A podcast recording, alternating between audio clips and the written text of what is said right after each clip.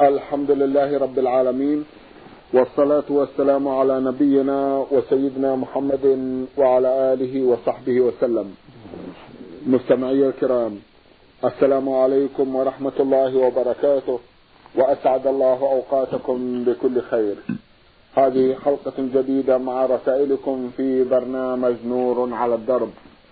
رسائلكم في هذه الحلقة نعرضها على سماحة الشيخ عبد العزيز ابن عبد الله بن باز.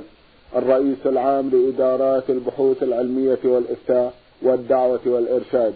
مع مطلع هذه الحلقة نرحب بسماحة الشيخ ونشكر له تفضله بإجابة السادة المستمعين فأهلا وسهلا بالشيخ عبد العزيز. حياكم الله وبارك حياكم الله. أولى رسائل هذه الحلقة رسالة وصلت إلى البرنامج من جمهورية مصر العربية وباعثها مستمع من هناك يقول سامي محمد خليفة. الأخ سامي يقول في رسالة بعث بها إنه في ساعة غضب أقسم على المصحف الشريف ألا يسكن في هذا المنزل أو الحوش. وعندما زال الغضب وجد أنه مخطئ إذ لا غنى له عن هذا المنزل. فسأل بعض الناس فأخبروه بأن عليه أن يصوم ثلاثة أيام. فصام ثلاثة أيام وعاد إلى المنزل. فهل هذا صحيح أم لا؟ بسم الله الرحمن الرحيم. الحمد لله وصلى الله وسلم على رسول الله وعلى آله وأصحابه ومن اهتدى بهدى أما بعد فإذا حلف الإنسان على أنه لا يسكن في هذا المكان أو لا يكلم فلانا أو لا يأكل كذا أو ما أشبه ذلك سواء على المصحف أو على غير المصحف ثم أحب أن يفعل ذلك أو فعله. لأسباب دعت إلى ذلك فإنه يكفر كفارة اليمين ولا شيء عليه. إذا كان المفعول مباحا شرعا. مثل سكن المنزل؟ أو أكل طعام فلان المباح أو تكليم فلان الذي لا بأس بكلامه. لأن النبي صلى الله عليه وسلم قال إذا حلفت على يمين فرأيت غيرها خيرا منها كفر عن يمينك وأت الذي هو خير. والله بين كفارة اليمين في كتابه العظيم فقال سبحانه وتعالى لا يؤاخذكم الله باللغو في أيمانكم ولكن يؤاخذكم بما عقدتم الأيمان. فكفارته اطعام عشره مساكين من أوسط ما تطعمون أهليكم أو كسوتهم أو تحرير رقبه فمن لم يجد فصيام ثلاثة أيام ذلك كفارة أيمانكم إذا حلفتم واحفظوا أيمانكم. على أيام سوره المائدة. هذه كفارة اليمين. إطعام عشرة مساكين أو كسوتهم أو تحرير رقبة يعني عتق رقبة نعم. فإن عجز ولم يستطع صام ثلاثة أيام. السائل صام ثلاثة أيام ولا ندري هل هو عاجز أم لا. فإذا كان عاجزا لا يستطيع إطعام عشرة مساكين ولا يستطيع كسوتهم ولا عتق رقبة أجزأه الصيام. وإلا فعليه أن يطعم عشرة مساكين ولا يجزئه الصيام. إذا كان يستطيع نعم. يعطي كل واحد نصف صاع من تمر أو رز أو بر يعني بصاع النبي صلى الله عليه وسلم ومقداره مقدار كيلو ونصف تقريبا نعم. فإذا كان يستطيع ذلك فالصيام لا يجزئه. أو يكسوه كسوة. يعطي كل واحد قميصا أو إشارة ورداء يعني كسوة تجزي في الصلاة. نعم. نعم. جزاكم الله خيرا. إذا كفارة اليمين ليست على التخيير. في الثلاثة مخير. في الثلاثة مخير. إطعام عشر مساكين أو كسوتهم أو تحت القلم أحدها الثلاثة أيوة. فإن عجز عنها كلها آه. انتقل إلى الصيام. أيوة. جزاكم الله خيرا. ثم الحديث المصحف ليس له أصل. فلا حاجة إلى الحديث المصحف. إذا قال والله لا أفعل كذا كفى ولا حاجة إلى يأتي المصحف ولا دليل على شرعية ذلك. فالأولى عدم الحاجة إلى حديث هذا المصحف ولو أكد يمين يقول والله ما أفعل كذا والله العظيم ما أفعل كذا ويكفي. والله لا لا أزور فلان والله لا أكلم فلان. المقصود ليس هناك حاجة إلى إحضار المصحف وإنما هذا شيء يفعله الناس من باب التشجيع على أموتهم بدون دليل. جزاكم الله خيرا. رسالة وصلت إلى البرنامج من أحد الأخوة المستمعين يقول المستمع أبو فهد. أبو فهد رسالته مطولة في الواقع ملخص ما فيها يسأل عن حكم اصطحاب الأطفال للمساجد. هل هو سنة كما يقول البعض أم أنه غير جائز لما يسببه الأطفال من إزعاج للمصلين كما يقول البعض الآخر. استصحاب الأطفال؟ فيه تفصيل. فإن كان الطفل قد أكمل السبع سنين فهو مأمور بالصلاة. لا يستصحبه أبوه أو أخوه حتى يتمرن على الصلاة ويعتادها ويحافظ عليها. أما إن كان أقل من السبع فلا حاجة إلى ذلك ولا يشرع استصحابه لأن قد يؤذي المصلين. قد يشوش عليهم بلعبه وكلامه الذي لا وجه له. فلا عدم استصحابهم لما في ذلك من الإيذاء للمصلين. نعم. جزاكم الله خيرا. المستمع ثابت أحمد رافع من اليمن يعمل في المملكة بعث برسالة ضمنها هذا السؤال. إذا لحق المصلي التشهد في صلاة الجمعة هل تكون صلاته تامة؟ بمعنى أنه أدرك صلاة الجمعة أم ينويها ظهرا ويصليها أربع ركعات؟ افتونا. جزاكم الله خيرا. الجمعة لا تدرك إلا بركعة. فمن لم يدرك ركعة منها صلى ظهرا لما جاء في الحديث عن انه قال من أدرك ركعة من صلاة الجمعة فليضف إليها أخرى وقد تمت صلاته. قوله صلى الله عليه وسلم من أدرك ركعة من الصلاة فقد أدرك الصلاة. فإذا كان مجيئه إلى الجمعة بعد الركوع الثاني بأن أدركه في السجود الأخير أو في التشهد فإنه يأتي بأربع يصلي ظهرا. ينويها ظهرا ولا تجيئه جمعة نعم. جزاكم الله خيرا. من جمهورية مصر العربية رسالة وصلت من المستمع عين صاد عين سين. يسأل سؤالين فيقول في سؤاله الأول كيفية الصلاة بالطائرة أو القطار؟ ذلكم أن الراكب يتعرض لأشياء كثيرة من الاهتزاز والانحراف يمينا وشمالا عن القبلة. وجهوا الناس حول هذا الموضوع وجزاكم الله خيرا. إذا كان السفر قصيرا صلى الإنسان في البلد التي قصدها إن كان سفره قبل خروج دخول الوقت. وإن كان سفره قبل دخول الوقت صلى قبل أن يسافر في المطار أو في غيره. أما كان السفر طويلا فإنه يصلي في الطائرة أو في القطار. والحمد لله ولا يترك الصلاة حتى يخرج الوقت يصليها على حسب طاقته. إلى القبلة ويدور مع القطار ويدور مع الطائرة حيث دار إلى القبلة ويصلي قائما إن استطاع. فإن لم يستطع صلى جالسا يدور مع القبلة مثل صاحب السفينة صاحب الباخرة. كل منهم مأمور بطاقته. الله يقول فاتقوا الله ما استطعتم. فإذا استطاع أن يقوم في وسط الطائرة أو في وسط الباخرة أو في وسط القطار أو في أي مكان منه قام وصلى قائما وركع وسجد وكمل صلاته مستقبل القبلة. وإذا كانت الطائرة أو القطار أو الباخرة تدور دار معه إلى القبلة في الفريضة. وهكذا في النافلة في مثل القطار وطائرة لأنه لا يشق أن يدور معها في النافلة. جاء صلى الله عليه وسلم في النافلة على أنه كان يصلي على راحلته حيث حيث كان وجهه في النافلة. وكان إذا أراد الإحرام كبر إلى القبلة ثم صلى إلى جهة سيره. على الراحلة. لكن ذكر بعض أهل العلم أن الدوران مع قبلة على الراحلة يصعب لأن وجهه إلى جهة سيره يدبر الدابة. نعم. فيصعب عليه يلتفت القبلة. لكن في القطار وفي الطائرة وفي السيارة الأمر بيد غيره ليس هو الذي يصرف القطار والطائرة نعم. فبإمكانه يدور مع الطائرة ولو في النافلة فليس مثل راكب البعير أو البغل أو الفرس أو الحمار. في السفر. بل هو أقدر على الدوران مع القبلة حتى في النافلة فإذا دار في النافلة حسب ما قال يوم من العلم لأنه يستطيع ذلك فعل ذلك كما يفعله في الفريضة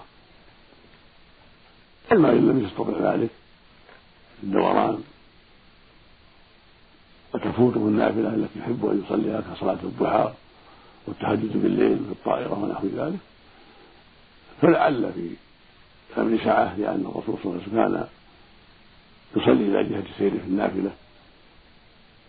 قد يشق ملاحظة القبلة في الطائرة في حال التهجد بالليل نعم. ونحو ذلك. قد يشق عليه ذلك. فلعله إذا صلى إلى جهة سيره في النافلة خاصة لعله يعفى إن شاء الله. إلحاقا للطائرة بالبعيد ونحوه الذي كان يصلي عليه النبي صلى الله عليه وسلم إلى جهة سيره لكن إذا أمكنه أن يستقبل ويدور في النافلة فعل ذلك خروجا من الخلاف وعملا بما قاله أهل العلم في بما قاله بعض أهل العلم في هذا الباب. أما الفريضة فلا بد من الدوران فيها. إذا لم يتيسر له أن يصليها في الأرض نعم. قبل السفر أو بعد السفر بأن كانت مدتها طويلة ولا يتمكن من صلاتها في الأرض فإنه يصليها في القطار وفي الطائرة لكن يدور مع القبلة في الفريضة. نعم, نعم. هذا بالنسبة للانحراف يمينا وشمالا. أما الاهتزاز ففي إمكانه أن يصلي جالسا. نعم يصلي حسب حاله حسب حاله. إن قدر قائما صلى قائما وإلا صلى جالسا. بارك الله فاتقوا الله ما استطعتم. الحمد لله. نعم. جزاكم الله خيرا نعم. يسأل أخونا أيضا ويقول بعض الأماكن تكون نادرة المياه إلا ما يكفي للشرب خاصة في المواقع العسكرية النائية وقد يحتاج الأمر إلى الاغتسال أحيانا فهل يكفي التيمم في هذه الحالة؟ إذا كان في مكان ليس فيه ماء كالمسافر والسجين لما يعطى ماء فإنه يكفيه التيمم فاتقوا الله ما استطعتم. يضرب التراب بيديه ويمسح بهما وجهه وكفيه. عن الجنابة وعن الحدث الأصغر. أما إذا كان يستطيع الماء بالطلب أو بالشراء المعتاد أو بالذهاب إليه في الوقت فإنه يتوضأ ولا يتيمم. لأن الله يقول فلم تجدوا ما فتيمموا. والرسول صلى الله عليه وسلم قال في التيمم إذا لم يجد الماء فالمقصود أنه إذا وجد الماء في السفر أو في الحضر وجب عليه الغسل والوضوء ولو بالشراء الذي ليس فيه إجحاف أما إذا عجز عن ذلك فإنه يتيمم لأن الله يقول فاتقوا الله ما يقول جل وعلا فلم تجدوا ماء فتيمموا نعم. جزاكم الله خيرا. المستمع شوقي قادر علي من اليمن له عدة أسئلة يسأل في سؤاله الأول ويقول اعتاد بعض الناس عندما يدخل المسجد ويجد الإمام راكعا أن يقولوا إن الله مع الصابرين. يعتقدون بذلك بقاء أو يقصدون بذلك بقاء الإمام راكعا حتى يدركوا الركعة معه. وبعض وبعض الأئمة ينتظرونهم مع أن هذا فيه مشقة على بعض المصلين. فما حكم قولهم هذا وما حكم انتظار الإمام لهم؟ لا أعلم أصل لقولهم إن الله مع الصابرين أو أصبر أو ما أشبه ذلك لا نعلم لهذا أصلا. ولا نعلم في ذلك منكرا ولا محذورا. وأما الإمام فيستحب له أن يتأنى قليلا حتى يدرك من دخل. على وجه لا يشق على المأمومين فقد نص جمع من أهل العلم على ذلك. وقد يستحب له انتظار داخل. ما لم يشق على المأموم. فإذا كان انتظار فإذا كان انتظاره يسيرا لا يشق على الناس فلا حرج بذلك بل يستحب له ذلك مراعاة للداخلين حتى يدركوا الركعة. وهم يستحب لهم عدم العجلة والخشوع وعدم العجلة فإن أدركوا فالحمد لله وإلا قضوها ولا ينبغي لهم العجلة. أما كلمة تصبر أو إن الله مع الصابرين فلا أعلم لها أصلا في الشرع ولا أعلم ما يمنعها من باب التنبيه للإمام ومن باب التذكير لا أعلم لا أعلم في هذا مانع نعم. جزاكم الله خيرا. يقول النبي صلى الله عليه وسلم فيما معنا إن الله عز وجل لم يجعل شفاء أمتي فيما حرم عليها. وبعض الناس عندما يصاب ببعض الأمراض المزمنة يذهبون لبعض المشعوذين أي من يسمون أنفسهم بالأطباء العرب فينصحونهم إما بأكل لحم الخنزير أو بشرب, أو بشرب الخمر. وقد حدث هذا كثيرا ويستدل هؤلاء المشعوذون بالقاعدة الشرعية التي تقول إن الضرورات تبيح المحظورات.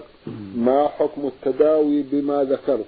وهل القاعدة تتعارض مع معنى الحديث السابق؟ هذا غلط من بعض الناس. فإن الله جل وعلا لم يجعل شفاء الناس فيما حرم عليهم وليس داخلا في القاعدة.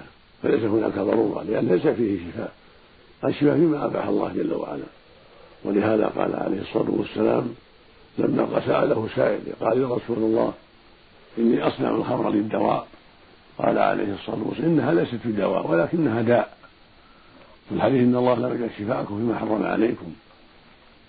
فلا يجوز للمريض أن يأتي المشعوذين الذين يتهمون بإستخدام الجن ودعوى علم الغيب ونحو ذلك أو يتهمون بأنهم يعالجون بالحرام كلحم الخنزير أو شرب الخمر أو غير هذا مما حرم الله. هذا منكر لا يجوز بل يجب على المريض أن يتعاطى أن يبتعد عما حرم الله وأن لا يتعاطى إلا ما أباح الله في علاجه. فلا يأتي السحارة والكهان والمشعوذين ولا يجوز سؤالهم ولا تصديقهم. ولا يجوز أن يتعالج بما حرم الله من خمر أو خنزير أو دخان أو غير هذا مما حرم الله. وفيما أباح الله ولي والحمد لله عما حرم الله. نعم. نسأل الله السلامة. نعم. اللهم آمين. جزاكم الله خيرا. أحد الإخوة المستمعين بعث يسأل ويرجو رأيكم شيخ عبد العزيز في كتاب روح الصلاة في الإسلام للمؤلف عفيف عبد الفتاح طبارة. لا أعلم حال الكتاب المذكور لأن لم أقرأه سمعت عنه ولكن لم أقرأه فلا أستطيع أن أحكم عليه بشيء. نعم. جزاكم الله خيرا. رسالة وصلت إلى برنامج من المستمعة سمية من الأردن تسأل عن صلاة الضحى. في أي وقت بالضبط تقام؟ وكم عدد ركعاتها؟ وكل وهل لها دعاء خاص بها؟ صلاة الضحى مستحبة. تبدو من ارتفاع الشمس قيد الرمح. إلى وقوف الشمس. وأفضلها إذا اشتد الضحى. لقوله صلى الله عليه وسلم صلاة الأوابين حين ترمض الفصال فالأفضل عند شدة الضحى قبل الظهر بساعة أو ساعتين. هذا هو الأفضل.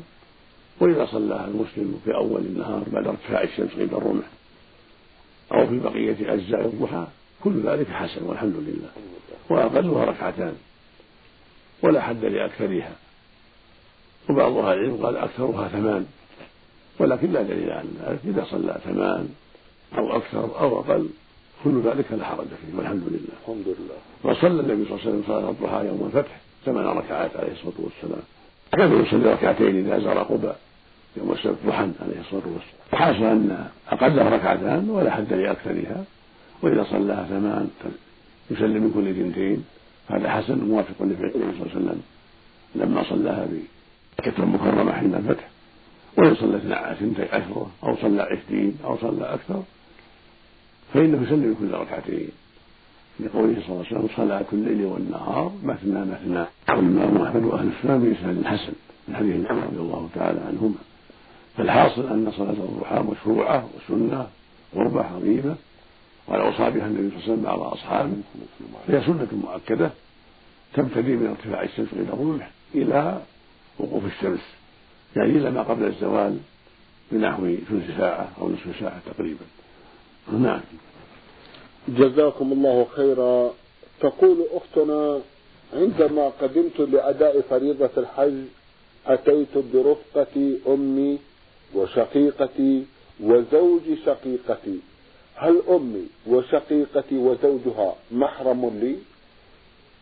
المحرم إنما يكون ذكرا لا أنثى. والمحارم هم من تحرم عليهم المرأة على التأبيد بنسب كأبيها وأخيها أو سبب كالرضاعة والمصاهرة كزوج بنتها وزوج أمها فإنهم محارم. زوج أمها بالمصاهرة زوج بنتها بالمصاهرة وأخيها من الرضاعة وعمها من الرضاعة بسبب الرضاع وأخيها من النسب وأبيها من النسب بسبب القرابة. أما المرأة فلا تكون محرمة. أم المرأة وأختها وعمتها لسن محارم. يقول صلى الله عليه وسلم لا تصلي المرأة إلا مع ذي محرم. ثم ذكر في بعض الزوج ذكر الزوج ذكر الأخ ونحو ذلك. المقصود أن المحرم إنما يكون رجلا لا أنثى. وهو من تحرم عليه على التأبيد بنسب أو سبب مباح كأبيها وأخيها وعمها وخالها من نسب أو رضاء وهكذا زوج أمها وزوج بنتها وزوج بنت ابنها وبنت بنتها كلهم محارم نعم. جزاكم الله خيرا. أثناء تأديتنا لفريضة الحج قام زوج أختي برمي الجمرات نيابة عنا بحجة أننا نساء. ولا نستطيع مواجهة الرجال. هل يجوز هذا؟ وإذا كان لا يجوز وقد وقع بالفعل هل علينا من كفارة؟ إذا كان رميه عنكن بسبب عجزكن لشدة الزحام أو لضعفكن جهة مرض أو قلة أو عدم قوة فلا بأس إن شاء الله فلا حرج. أما إن كان تساهلا وترفها فإن عليكن فدية. كل واحد تذبح ذبيحة في مكة للفقراء عن ترك الظن. أما إذا كان العلة من زحام شديد خاف عليكن منه أو كنا كنتن مريضات أو ضعيفات الأجسام لا تستطعن المزاحمة في ذلك والدخول في محل الجمار. فنرجو يكون الرمي صحيحا والحمد لله. نعم. جزاكم الله خيرا. رسالة وصلت إلى البرنامج من المستمع وحيد خليفي مصطفى عنيو مصري ومقيم في المملكة. أخونا له جمع من الأسئلة في أحد أسئلته يقول أرجو أن تفيدوني أفادكم الله عن الطريقة المثلى والسهلة التي يمكن أن تحبب إلينا القرآن وتجعلني أحفظه بأسرع وقت. وكيف أبدأ؟ كما أريد حفظ الأحاديث. فهل أبدأ أولا بحفظ القرآن الكريم أم أبدأ بحفظ الاثنين معا؟ وما هي الكتب التي تشتمل على الأحاديث الصحيحة؟ حفظ القرآن من أفضل القربات والطاعات. وهكذا حفظ ما تيسر من السنة الصحيحة من أفضل القربات والطاعات. والأفضل أن تبدأ بحفظ ما تيسر من القرآن. أنت مخير إن شئت بدأت بالمفصل. قراءة القرآن المجيد وما بعده وما بعدها حتى تكمل تحفظ الأجزاء الأخيرة الأربعة. وإن شئت بدأت بالبقرة ورتبت لك جزءا معلوما كل ليلة أو كل صباح صفحة صفحتين ثلاث صفحات ترتب شيئا معلوما وتستمر عليه. تسر ربك العون والتوفيق وتحرى الأوقات المناسبة التي يسير فيها مشاغل. فإذا جمعت بين الأمرين وجعلت وقتا لحفظ ما تيسر من القرآن ووقتا لحفظ ما تيسر من السنة فهذا حسن لأن حفظ القرآن قد يطول وتطول مدته. فإذا جمعت بين هذا وهذا هذا شيء طيب. ونوصيك بحفظ عمدة الحديث للشيخ عبد الغني بن عبد الواحد المقدسي فإنها حديث صحيحة ومختصرة. أربعمائة حديث وزيادة يسيرة إذا حفظت هذا الكتاب هو كتاب جيد وعظيم ومفيد؟ وإن كان عندك قدرة على حفظ بلوغ المرام للحافظ بن حجر فهو كتاب أيضا محرر جيد. في بعض الأحاديث الضعيفة التي بينها المؤلف رحمه الله. ونوصيك أيضا بحفظ بعض كتب العقيدة مثل كتاب التوحيد. وثلاثة الأصول وكشف الشبهات للإمام العلامة شيخ الإسلام في زمانه محمد بن عبد الوهاب رحمه الله هي كتب مفيدة في العقيدة. مثل كتاب العقيدة الواسطية لشيخ الإسلام ابن تيمية ولمعة الاعتقاد الموفقة من قدامة رحمه الله. وهي كتب جيدة في العقيدة. نوصي بحفظها أيضا لأنها مفيدة وكلها مأخوذة من كتاب الله العظيم وسنة رسوله الأمين عليه الصلاة والسلام. كتب مفيدة مختصرة في العقيدة. نعم. جزاكم الله خيرا. يسأل عن الكتب التي تشتمل على الأحاديث الصحيحة شيخ عبد العزيز. ذكرنا على عمدة الحديث أيوة. كلها من الصحيحين من البخاري ومسلم. طيب. سوى أفراد قليلة من أحدهما أيوة. فكل فالعمدة هذه الشيخ عبد الغني. نعم. من عبد الواحد بن مسعود المقدسي. فيها في الحقيقة كتاب مفيد جدا سماها عمدة العمدة لما فيها من الأحاديث الصحيحة. فإذا حفظها طالب العلم أو حفظتها طالبة العلم فذلك مناسب جدا. وإن تيسر معنا حفظ بلوغ المرام فهو كتاب أوسع ومحرر وفي علم جم وفي حديث يسيرة ضعيفة قد بينها المؤلف رحمه الله. نعم.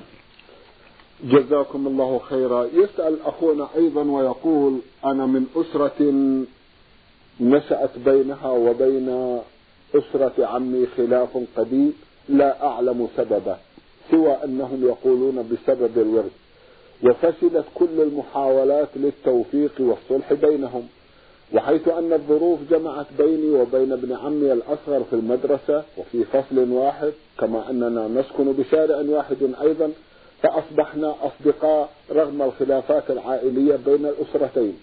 ولكن سرعان ما تأثر ابن عمي بأسرته وتغير من ناحيتي خصوصا بعد إتمام المرحلة التعليمية لدرجة أنه يقابلني كأننا لم نعرف بعض ولم يكلمني.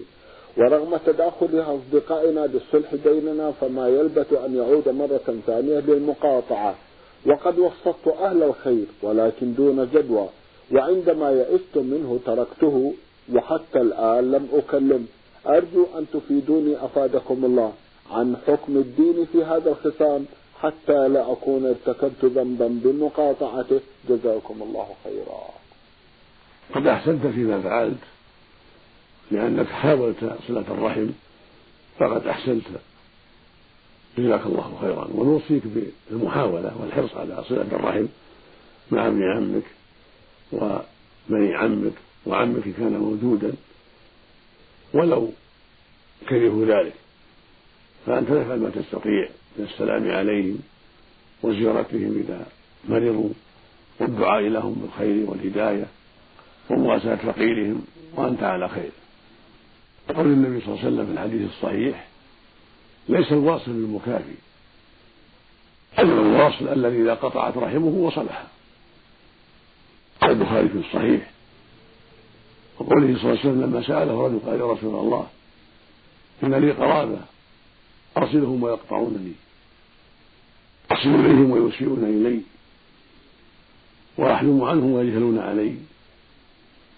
فقال له النبي صلى الله عليه وسلم لئن كنت كما قلت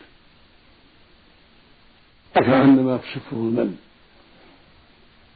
لا يزال معك من الله ظهير عليهم ما دمت على ذلك. أنت يا أخي على خير احرص على الصدق والإحسان مهما استطعت وإذا لم تنجح فالإثم عليهم وأنت لك أجر والإثم على من يمتنع وأنت لك أجر في المحاولة وتوصيل من ترى من الأخيار والمشورة على أهلك وعلى عمك بترك الشحناء. فالمال أمره سهل والدنيا أمرها كلها سهل. ينبغي المؤمن أن يتحرى ما يرضي الله ويقرب لديه وأن يدع الشحناء والقطيعة والمال الذي فات يخلفه الله بأفضل منه. وعند الله خير وأبقى. ينبغي لك ولغيرك من المسلمين مع قراباتهم. والله المستعان. الله المستعان. جزاكم الله خيرا. في حج عام 1408 عندما ذهبت لرمي الجمرات رميت ست ووقعت مني واحدة ولم أتمكن من الحصول عليها لكثرة الزحام. هل علينا دم؟ وهل يكون في مكة أم في المكان الذي أقيم فيه؟ يعفى عنك إن شاء الله. ما دامت واحدة يعفى عنها إن شاء الله وليس عليكم شيء. قد ورد عن بعض الصحابة ما يدل على ذلك وأنهم قد يشكون في سقوط الحجر والحجرين فلا يرجون عن ذلك. المقصود أنها أن هذا لا يضرك إن شاء الله. لو أن لو أمكنك أن أنك أخذت حجرا من تحتك ورميت كان هذا هو الأفضل والأحوط ولكن ما دام الأمر كما قلت فلا شيء عليك والحمد لله. نعم. جزاكم الله خيرا. سماحة الشيخ في الختام أتوجه لكم بالشكر الجزيل بعد شكر الله سبحانه وتعالى على تفضلكم بإجابة السادة المستمعين وآمل أن يتجدد اللقاء وأنتم على خير. إن شاء الله. نرجو ذلك. مستمعي الكرام كان لقاؤنا في هذه الحلقة مع سماحة الشيخ عبد العزيز ابن عبد الله بن باز الرئيس العام لإدارات البحوث العلمية والإفتاء والدعوة والإرشاد. شكرا لمتابعتكم وإلى الملتقى وسلام الله عليكم ورحمته وبركاته.